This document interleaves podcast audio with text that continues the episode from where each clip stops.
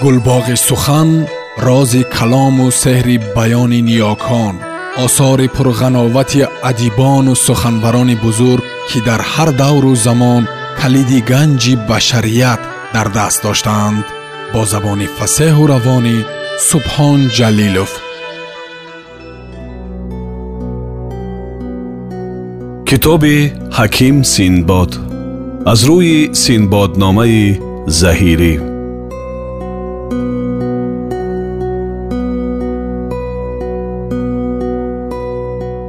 ҷавон бо дили пурҳасрат ва димоғи пурфикрат паҳлӯи ғам дар бистари алам ниҳод ва ӯро рухсори арғувонӣ дар таҳаммулу машаққати фироғ заъфаронӣ шуд ва аз кашидани бори ҳаҷр ки зодаи модари мусибатҳои ин ҷаҳон аст тири мавзунаш камонвор хам гирифт ва аръари қадду санобари қоматаш аз осеби тунбоди ҳаводис و گیرد بادی مهنتی روزگار شکسته شد از جمال ویسال ناامید گشت با آمد شدی خیال خرسند می بود و بدین باید قناعت می نمود هر شب گردد خیال او گیردی دلم الحق زی مراعات خیالش خجلم از شام تا صبح و از پگاه تا بیگاه بر سر کوی دوست منتظری نسیم خلوتی بودی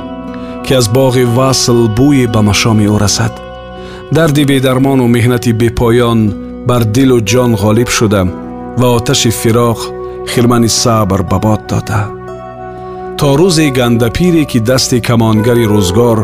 ниҳоли қаддашро бо камон бадал карда буд ва деҳқони айём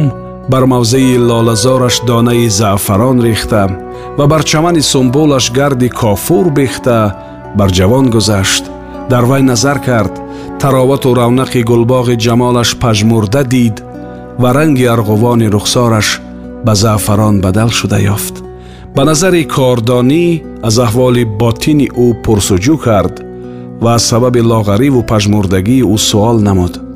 در رنگ زرد و حال تباه او نگریست بدون که جوان در طب متصل عشق است و در حرارت سوزنده هجران که آثار زردی به صحفات روزگار او ظاهر شده بود گفت ای جوان بگوی چرا آفتاب شباب تو در این سین سال زردی گرفته است و گلزار جوانیت به هنگام اعتدال نوبهار سستی پذیرفته اگر بیماری عشق است طبیب مییابیم جوان چون این بشارت در ضمن این اشارت معلوم کرد نفسی سرد برآورد و اشک گرم از دیده فرو ریخت гандапир чун донист ки ҷавон ошиқи моҳрӯе гардидааст ва шӯлаи оташи ҳиҷрон дилу ҷонаш сӯхта гуфт моҷарои хиш бозгӯй ки то набз нанамоӣ беморӣ маълум нашавад ва то беморӣ муқаррар нагардад илоҷ муяссар нашавад ҷавон гуфт қиссаи ғуссаи ман дароз асту ҳодисаи мушкили ман бо нишебу фароз حالی ستمی زمانه می بین و مپورس از رنگ روخم نشانه می بین و مپورس احوال درون خانه از من مطلب خون بر در و آستانه می پورس. و مپورس شب در تپیش و استیرابم و روز در سوز و گدازم مدت است تا مشوقت دلم به دست غوغای عشق داده است و جانم در من یزیدی حجر نهاده бар висолаш зафар намеёбам ва аз гули ҷамолаш ба ҷуз хор намебинам ки бас бераҳму ситамгор афтодааст сабр бо ишқ бас намеояд ёр фарёдрас намеояд дил зикоре ки пеш менашавад қадаме бозпас намеояд гандапир чун шарҳи ҷавон бишунид гуфт наумед машав مگو کی امید نماند کس در غم روزگار جاوید نماند از رابعه وقت است سنگ در قندل اسمتش اندازم و اگر چون زهره زهرا با کوبه خزراست به دانه حلتش در دام آورم پس روزی دیگر بر شکل زاهیده باز و بندها در گردن افکند و تسبیح برداشت و اصا و رکوه به دست گرفت و به خانه آن زن رفت و خود را با کرامات و مقامات بر او جلوه کرد و دل زن را در قبضه امر و فرمان آورد و هر ساعت به طاعت مشغول شدی و نافله و تطووی براوردی بروز تعام نخوردی و اگر به اتفاق شبه در خانه او بماندی به نان جوین افتار کردی و هم بران قناعت نمودی که گفتی که گندوم سبب زیلت آدم بودست و جو تومه انبیا و لقمه اولیاست به این صورت و سنت روز گذرانید تا اعتقاد زن در زهد و صلاح و اسمت و عفت او هر روز استوارتر می گشت و اخلاص او در کارهای دینی و دنیاوی هر ساعت ظاهرتر شد در جمله به تزویر و شعبده و نیرنگ و حیله زن را به دست گرفت و با خود گفت گر باد شوی ببندمت پای چو پس سگ بچه را به خانه برد و مدت در خانه نگاه و بین میکرد و پروریش می تا از بسیاری مراعات و احتمام دست آموز شد و با گند پیر خو گرفت. پس روز کلچه چند ساخت و پیل پیل و سپندان در آن کلچه ها همراه کرد و سگ را با خود به خانه زن برد و چون بینیشست از آن کلچه ها بیرون کرد ва мешикасту бадон сагбача медод саг нон мехӯрд ва аз ғояти тундиву тезии дору об аз чашмҳои ӯ мерехт ва гандапир баробари ӯ об дар дида мегардонид ва оҳи сард бармекашид зан чун қатраҳои оби чашми саг дид ва аз они гандапир мушоҳида кард аз вай пурсид э модар ин сагбача чаро мегирядд ва ӯро чӣ афтодааст ки қатраҳои ашки ҳасрат аз гӯшаи чашм бар сафҳои рӯзгор мерезад гандапир гуфт мапурсед он чиро ки фаҳмиданаш барои шумо ранҷ меоварад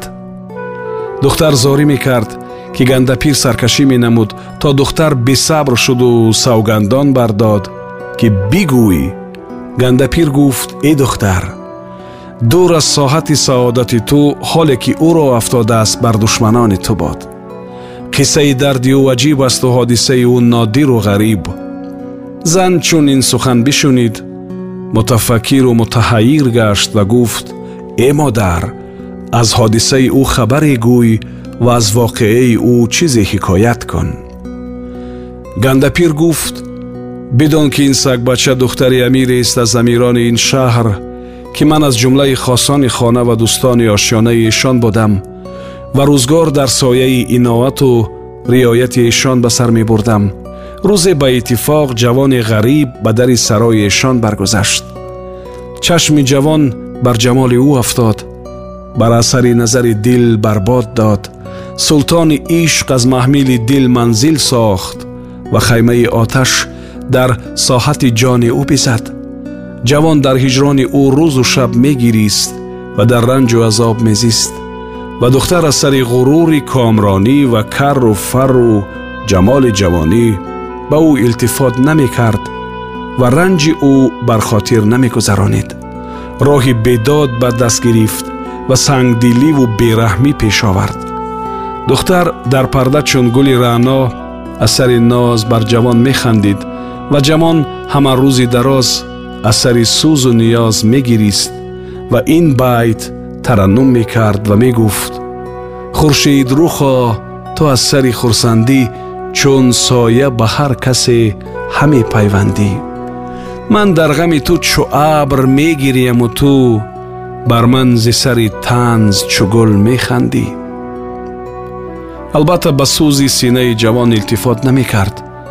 و از آخی سهرگاهی او نمی اندشید чунон ки ҷавон дар ғами ҳиҷрони ӯ ҷон таслим кард ва тани хаставу дили шикаста ба хоки лаҳат супурд ҳақ таоло ин зулм написандид ва ин духтарро масх гардонид одамӣ буд саг шуд духтар аз шарми ин ҳолат хештанро дар хонаи ман афканд ва азбаски солҳои зиёд ҳамдаму ҳамсӯҳбат будем дар хонаи ман пинҳон шуд ва аз шарму хиҷолат рӯй ба ҳеҷ кас нанамуд муддати ду сол аст то нигоҳбин мекунам ва ғамхориашро воҷиб медорам ва ин роз ба ҳеҷ кас ошкоро накардам ва бо ҳеҷ халқе дар миён наниҳодаам аммо чун ту савганд дар миён овардӣ бо ту гуфта шуд акнун ин сир бар ту кушодам ва аҷаб он аст ки ҳар куҷо зани соҳибҷамол бинад ашки ҳасрат аз дида боридан гирад дар қиссаи аҳли ишқ اسرار بسی است زن چون این ماجرا را بشنید گفت مرا از شنیدن این قصه عبرت ها و پند ها حاصل آمد بدان که مدت است تا جوان بر من عاشق است و در رنج عشق بدری او هلال و تنی و خسی شده است سری کوی ما گذرگاهی اوست و گیردی در و دیوار ما کعبه توافی او بارها مکتوب نمیشته و نامه فرستاده است бо суханони диловезу паёмҳои муштоқона арзи муҳаббат намуда ва ман дар муқобалаи ин суханони латиф ҷавобҳои дурушт додам ва дили ӯ биранҷонидам гандапир чунин сухан бишунид муддати андеша намуд ва гуфт ҷони модар хато кардаӣ ки дили ӯ биозурдаӣ зинҳор аз хастагони ишқ марҳами дариғ мадор ва бастагони банди ҳиҷронро хор магузор зеро ҳар кӣ афтодагони ишқро даст нагирад поймоли ҳодисаҳо шавад ва ҳар кӣ ба маҳрумони висол марҳамат нанамояд маҳрум монад ва дасти рӯзгор доғи нокомӣ бар муроди пешонии ӯ ниҳад зан гуфт э модар насиҳатҳои туро бар дил нигоштам ва бо ту риштаи аҳд бастам ки баъд аз ин қадам бар роҳи ин насиҳат ниҳам و ریایت جانب او واجب دارم بعد از این دست ما و دامن دوست پس از این گوشت ما و حلقه یار پس گفت ای مادر چون محرم این غم گوشی توست و نوربخش این حجره شمی تو و الحق تو را دیدم نصیحتگری مشفیق و شخص معتمد و اگر برکت صحبت تو نبودی حال من تباه گردیدی و علامت مسخ بر تن من ظاهر گشتی لطف نصیحت تو بود که این عذاب مدهیش و آفت ناگهانی از من بگردانید و این قضای بعد از من باز داشت باید که چونان جوان را بینی عذر فراوان گویی و هر آنچه خواهیش کند از لطف عنایت و حسن ریایتی دل او به آری پیرزن در وقت از پیش دختر بیرون آمد و جوان را بشارت داد و گفت معشوقه به سامان شد تا با چنین بادا کفرش همه ایمان شد تا با چنین بادا جوان در وقت از بادیه هجران روی به خانه درمان نهاد چون به در سرای زن رسید زن به فراست حالت و زیرکی حیلت به جای آورد که عاشق گذری می کند ва бӯи ҷигари сӯхтаву накати дили бирёнаш бишинохт ки ошиқ қасди маъшуқ дорад бо табассуму кушодароӣ ва хушҳоливу дилҷӯӣ ба истиқболи ҷавон шитофт ва бо сад ҳазор ноз ошиқи ниёзмандро ба худ хонд ва гуфт биё ки ошиқи ранҷурро харидорем фитодагони ҷаҳонро ба лутф бардорем алқисса ба далолати гандапири порсо راهبری آن زاهیده عصر و برکات نفس و قدم او عاشق به معشوق رسید و طالب به مطلوب پیوست و هر دو روزگار دراز از نعمت ویسال بهره می گرفتند این حکایت از بریان گفتم تا رأی جهانارای شاه را مقرر گردد که مکر زنان از حد و عدد بیرون است و حیله و عمل ایشان از دایره و اندازه افزون چون مضمون این داستان که حرفی او آغاز مکر و قانون بیوفایی است به گوش شاه رسید بفرمود تا شاهزاده را به حبس بردند و سیاست در تأخیر افکندند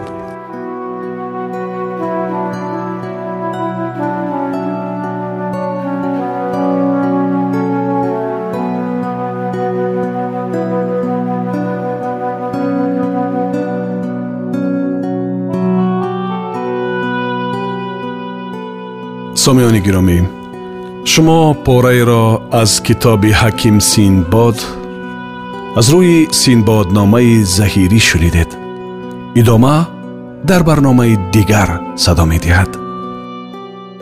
گلباغ سخن راز کلام و سحر بیان نیاکان آثار پرغناوت ادیبان و سخنوران بزرگ که در هر دور و زمان کلید گنج بشریت در دست داشتند با زبان فسه و روانی سبحان جلیلوف